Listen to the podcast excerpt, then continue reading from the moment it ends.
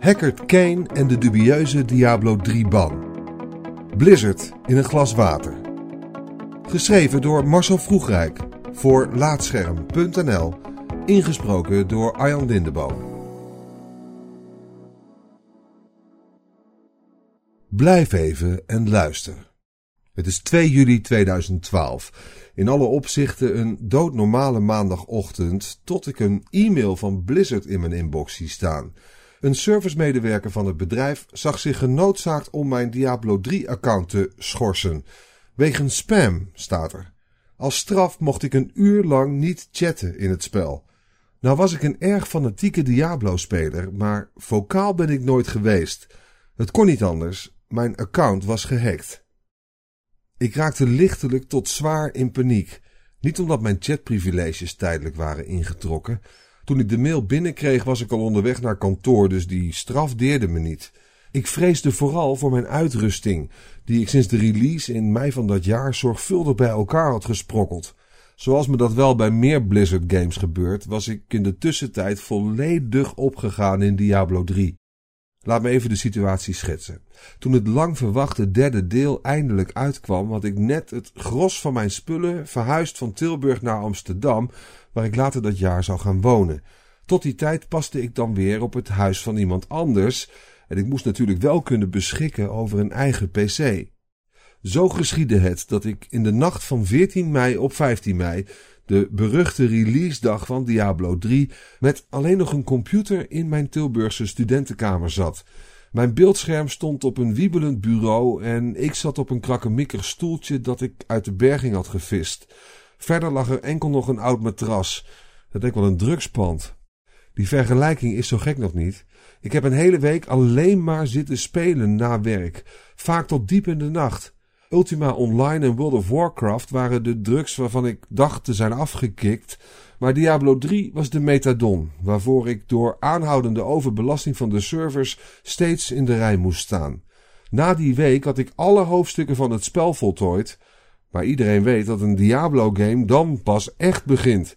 Met veel sterkere uitrusting dan toen ik mijn personage aanmaakte, startte ik een tweede run om nog sterkere uitrusting te verzamelen op een steeds hogere moeilijkheidsgraad. Zie het als een investering. Alle waardevolle spullen die je vindt, stop je weer terug in de ontwikkeling van je eigen personage, wat zo alleen maar meer en meer waard wordt.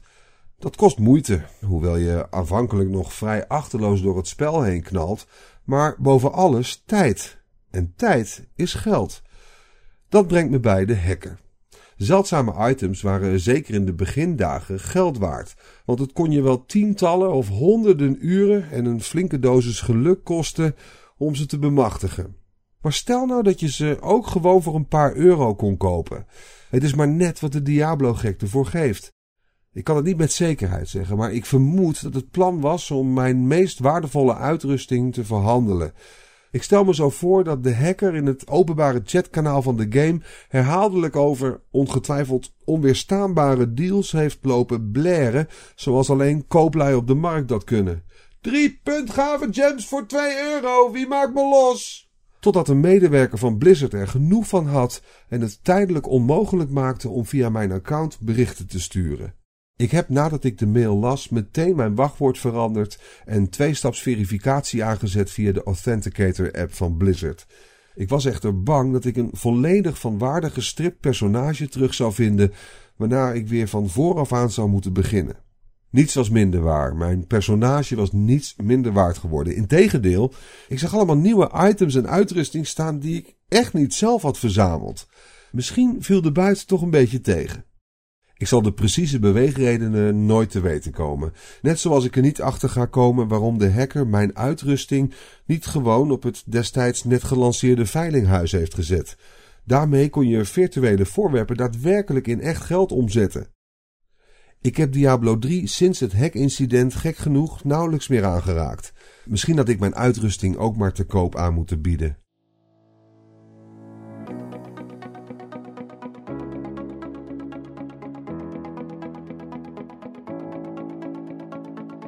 Dankjewel voor het luisteren naar deze aflevering van Laatscherm voorgelezen. Als je waardeert wat we hier doen, dan zouden we het leuk vinden als je iemand anders vertelt over Laatscherm.nl of een van onze verhalen deelt op social media. Sinds kort kun je Laatscherm ook vinden via Spotify en is het nog makkelijker geworden om de verhalen te beluisteren en te delen. Je kunt ook heel eenvoudig 5 sterren achterlaten in de podcast-app van Apple en eventueel een tekstje, waardoor we weer beter vindbaar worden voor anderen.